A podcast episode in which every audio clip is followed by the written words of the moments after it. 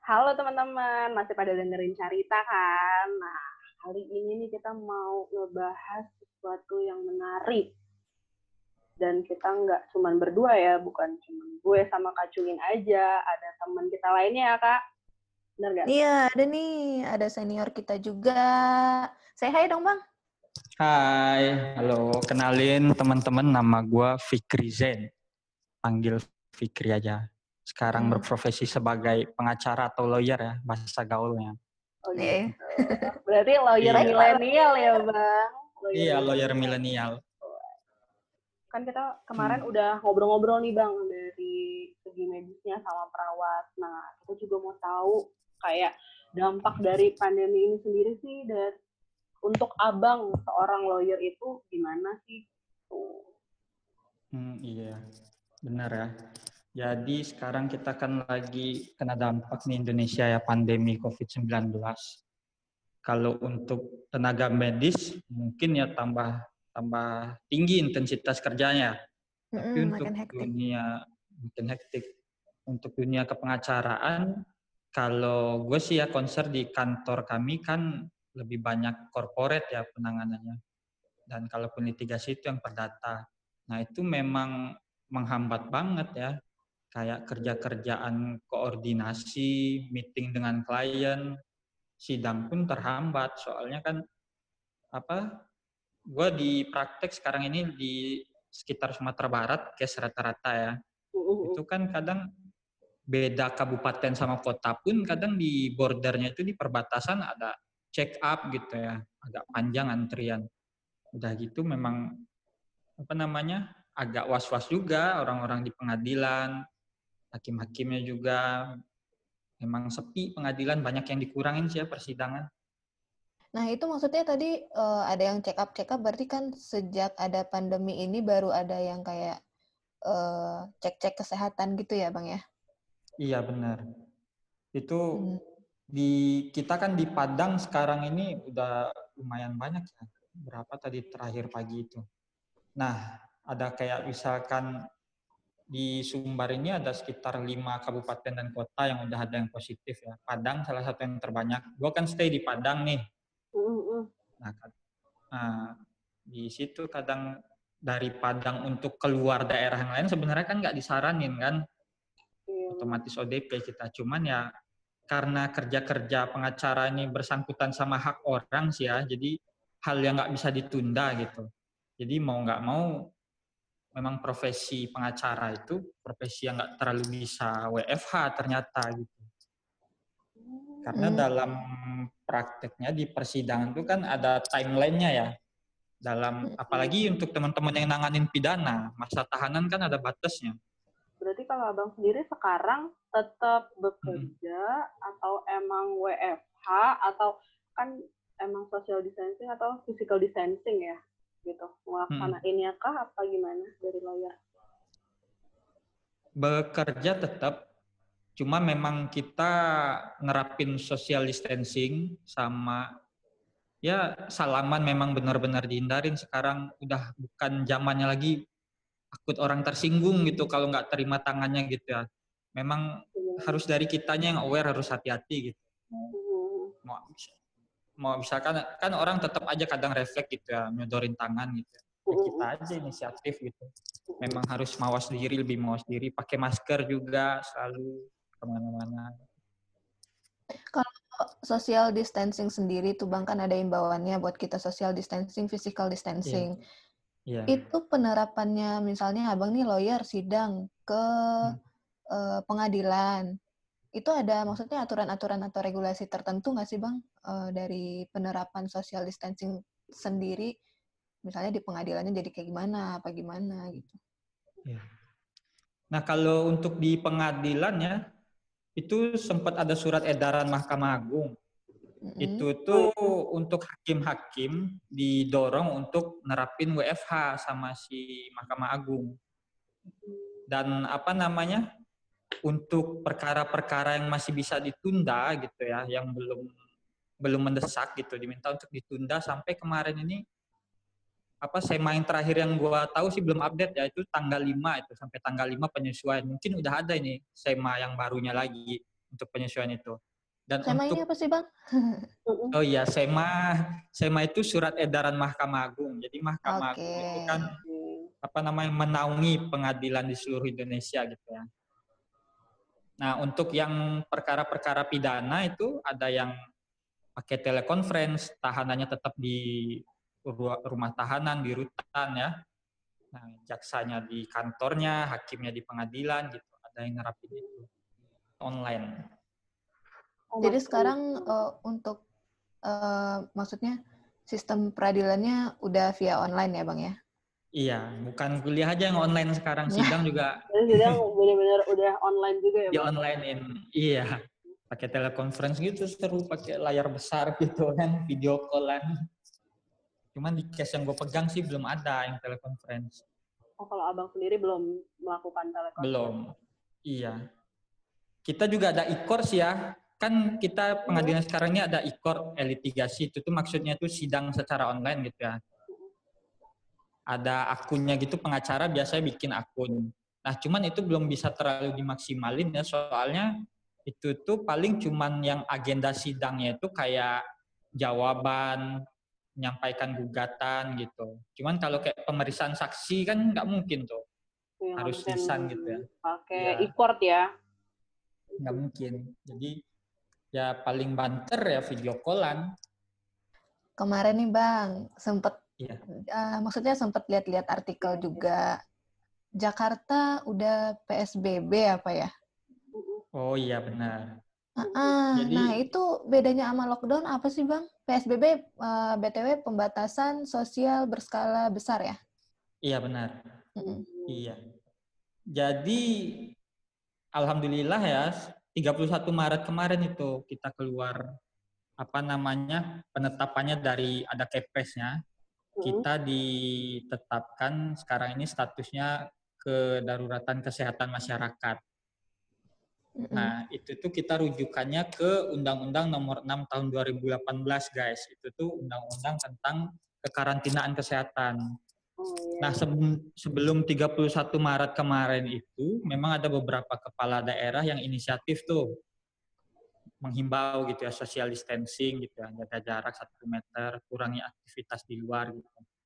Cuman kan sifatnya masih baru sebatas himbauan jadinya karena belum ada apa namanya ketetapan dari pemerintah pusat gitu mengenai status negara kita ini lagi kayak mana sih dengan adanya pandemi ini gitu. Hmm. Nah, udah diterapkan lah apa namanya statusnya kedaruratan kesehatan masyarakat. Terus ada PP atau peraturan pemerintah itu yang mengatur tentang pembatasan sosial berskala besar nih. Nah, jadi apa sih bedanya ke apa namanya lockdown atau karantina wilayah ya? Kemarin kan kita rame tuh orang-orang minta lockdown dan di negara-negara lain banyak juga yang udah nerapin lockdown ya.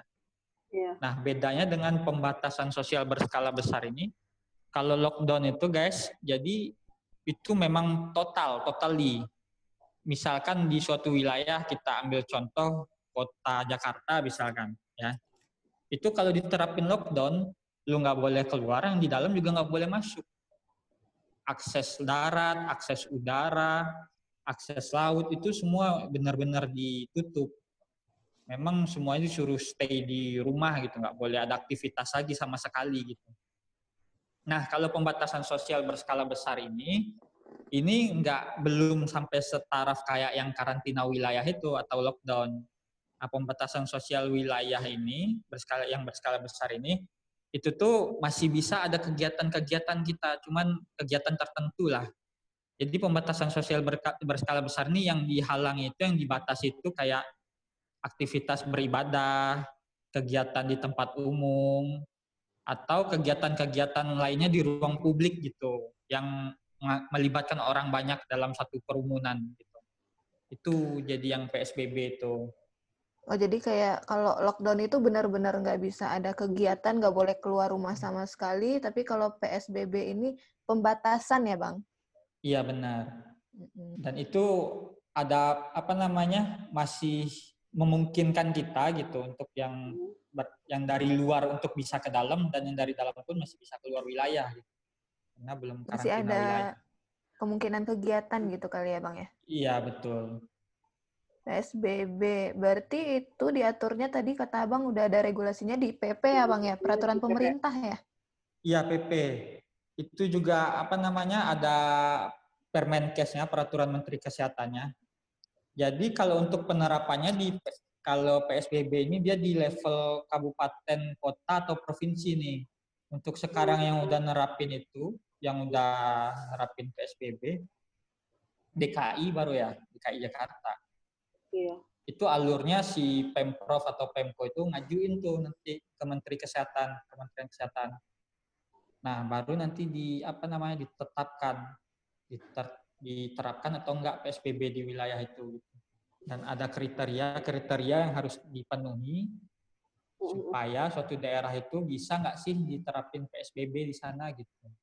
Oh berarti ada kayak syarat semacam syarat gitu ya bang sebelum suatu daerah itu diberlakukan PSBB itu ada kriteria tertentu gitu. Iya ada kriteria tertentu itu di apa namanya di PP tentang PSBB ada di Permenkesnya juga ada.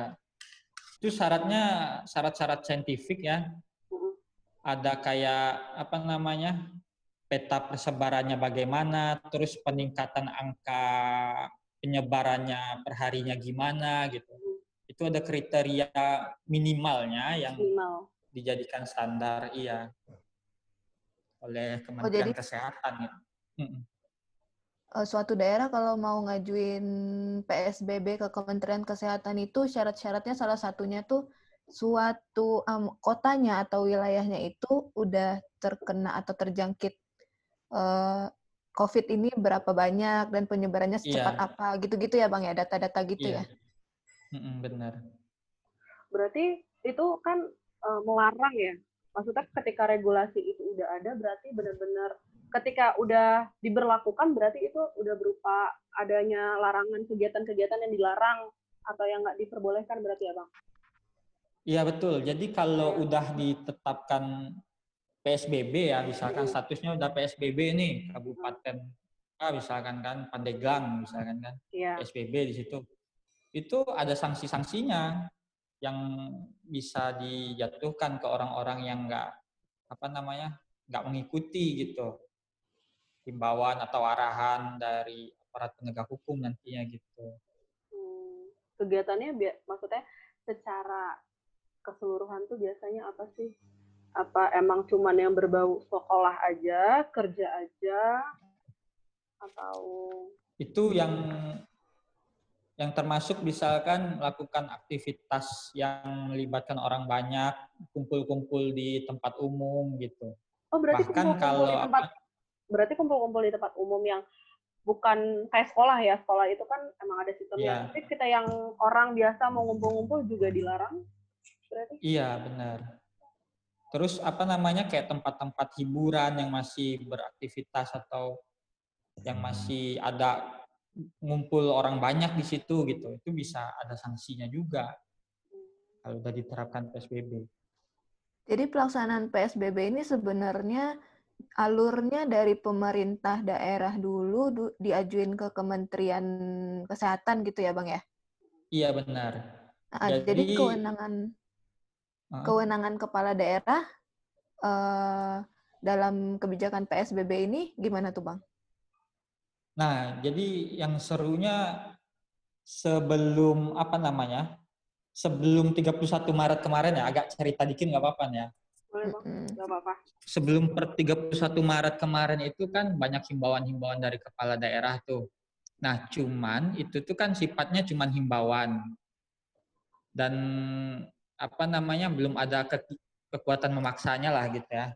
Soalnya kita apa namanya perlu menerapkan lah apa yang ada di undang-undang kekarantinaan kan. Nah, terus mengenai apa namanya kewenangan wilayah sama pusat itu nanti si kabupaten atau kota kan di Pemkap atau Pemprov nih gubernur atau wali kota yang tahu wilayahnya gitu ya. Jadi mereka lah nanti yang mengumpulkan informasi-informasi tentang penyebaran pandemi ini di wilayahnya masing-masing gitu. terus di submit tuh disampaikan ke Menteri Kesehatan dalam hal ini Menteri Kesehatan ya. Nih di daerah kami udah begini nih, udah ada sekian penyebarannya, peningkatannya sehari misalkan tiga per hari nambah terus gitu. Dan udah ada transmisi lokal misalkan ya. Transmisi lokal itu maksudnya udah ada penularan di internal wilayah itu gitu. Bisa lebih dari dua generasi itu tuh muter-muter di situ aja, bukan bawa dari luar lagi gitu. Nah, itu tuh nanti disampaikan tuh ke Kementerian Kesehatan. Nah, nanti baru menteri yang mengeluarkan ketetapannya gitu. Ini di wilayah ini udah di, bisa diterapkan PSBB gitu. Jadi kalau misalnya pema, uh, maksudnya pemerintah daerah pemerintah daerahnya belum ngajuin PSBB itu biasanya kewenangan pemerintah daerahnya masih himbauan-himbauan gitu ya, Bang ya? Iya, himbauan.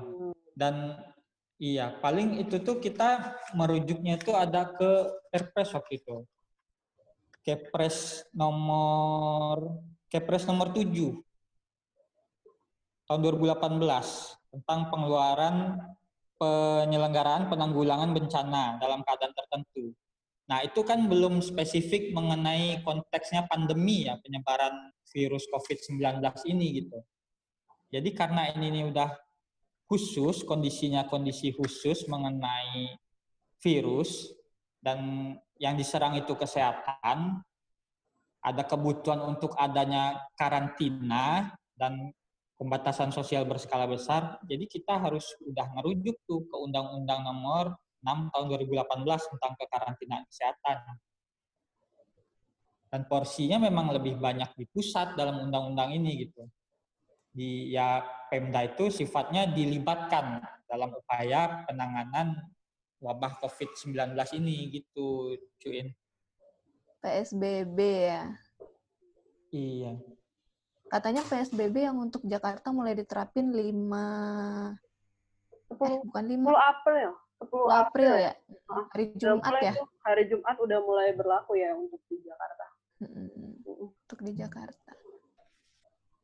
Ya paling kalau yang mau sampaikan lagi sih, ini kan wabah merebaknya cepat banget ya. Hitungan hari nambahnya bisa puluhan gitu. Enggak, bukan hal yang bisa disepelein gitu.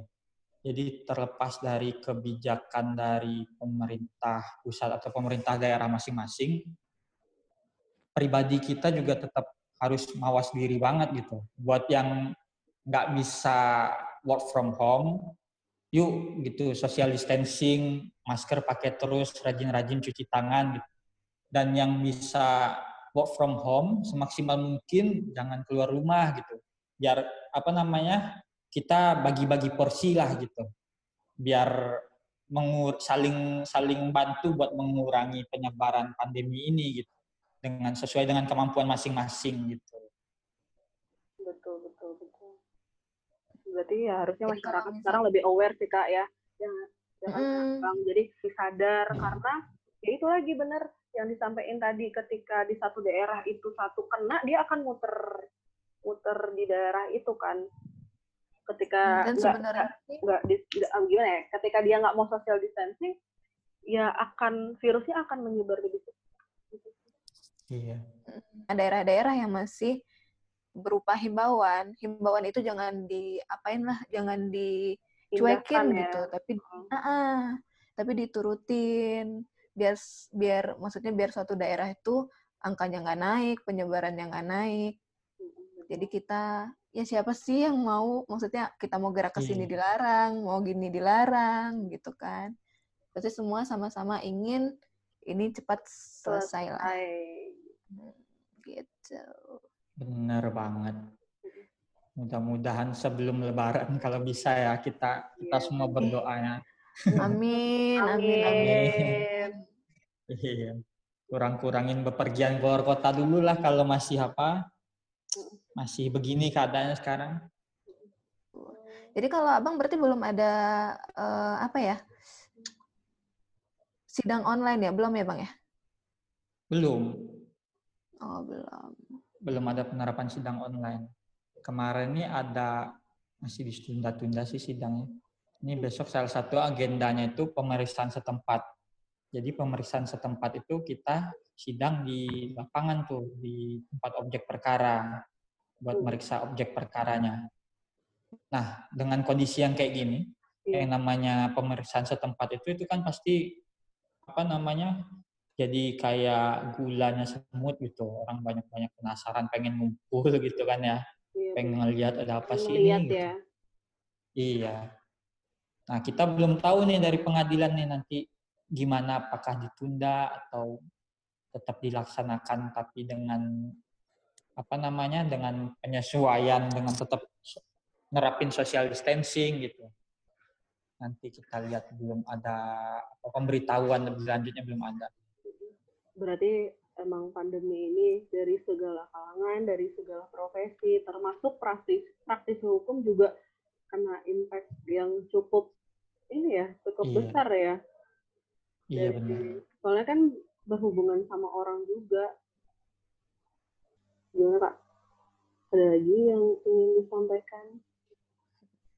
Macam speechless ya. Maksudnya kan kalau kita dari praktisi hukum itu yang benar-benar misalnya pembuktian ya benar-benar tuh kita tuh face to face gitu kan atau Iya. apa gitu. Biasanya kan gitu ya. Kayak Mhm. misalnya kalau misalnya kalau bikin apa kalau di bidang korporat itu misalnya bikin perjanjian kan biasanya tanda tangannya iya harus hadir ke semua pihak gitu-gitu ya. iya benar. Apa ini Mm, Nah, yang paling berasa? Pemberkasan kan? Itu di awal-awal kan? Di awal iya benar. pemberkasan. Dan itu kan harus ketemu ya? Harus tatap muka Benar. harus kita benar-benar ada di pengadilan. Tapi ternyata dengan pandemi ini kan benar-benar hambat iya. Kita cek dokumennya satu-satu gitu. Ya terus ini apa namanya retainer kita kan di sini ada beberapa perusahaan juga ada Hmm. yang perhotelan ada rumah sakit ada beberapa itu yang udah ada di, merumahkan pegawainya karena kondisi sekarang ini mau nggak mau gitu ya. Cuman alhamdulillahnya yang pegawainya ngerti gitu, yang perusahaannya juga bisa berbesar hati gitu, tetap memenuhi kewajibannya wa- dengan kondisi yang kayak gini gitu. Ya kalau dipikir-pikir mah kondisi kayak gini siapa sih yang pengen gitu kan? Nggak ada yang pengen. Cuman ya memang udah apa namanya bencana mau diapain gitu ya. Kita ngelakuin yang terbaik aja masing-masing pihak dari yang pegawainya berbesar hati, yang dari pihak perusahaannya juga penuhilah hak-hak pegawai ini selama dirumahkan gitu. betul betul betul Iya. Oke, thank you ya Bang Fik, Bang Fikri, Fikri Zen ya, Oke. udah mau sharing-sharing sama kita, bahas tentang PSBB, bahas gimana pengacara jadinya sidangnya kayak gimana, kerjaannya jadinya kayak gimana gitu. Semoga kerjaan Abang lancar-lancar aja ya. Amin. Mm, lancar-lancar dan semoga ini juga se- eh, segera selesai jadi kita bisa aktivitas seperti biasa lagi. Iya, semuanya bisa normal-normal lagi, nggak ada lagi hambatan-hambatan tertentu lah. Amin. Mudah-mudahan. Oke, thank you Bang Fik. thank you bang waktunya. Fikri Iya. Dadah. Dah. Bye.